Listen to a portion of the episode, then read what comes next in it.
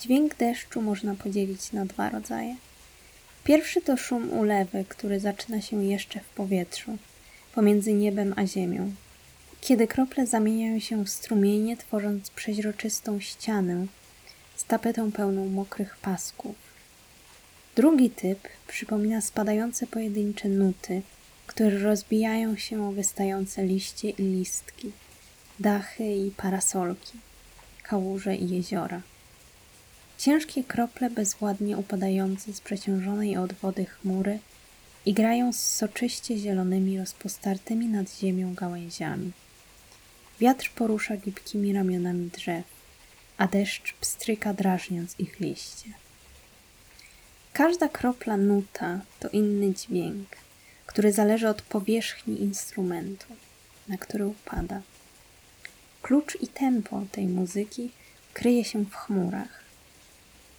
Linie kreślone w powietrzu przez deszcz to pięciolinia.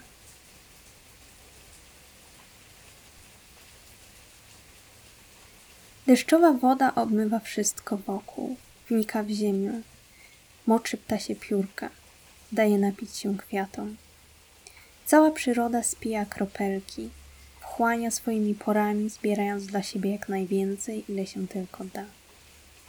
Nieraz pewnie tobie samemu zdarzyło się przyglądać z oczarowaniem, jak ciemna ziemia pije wodę, czy to z deszczu, czy konewki. W powietrzu unosi się zapach ozonu, obietnica przytulności, którą niesie ze sobą ulewa. Kiedy siedzimy w domu, rozpieszcza nas przyjemnym poczuciem bezpieczeństwa i przyzwolenia na lenistwo. Będąc na zewnątrz z kolei, przynosi uczucie świeżości i odnowy, a nawet dziecięcej chęci przygody, może skakania po kałużach.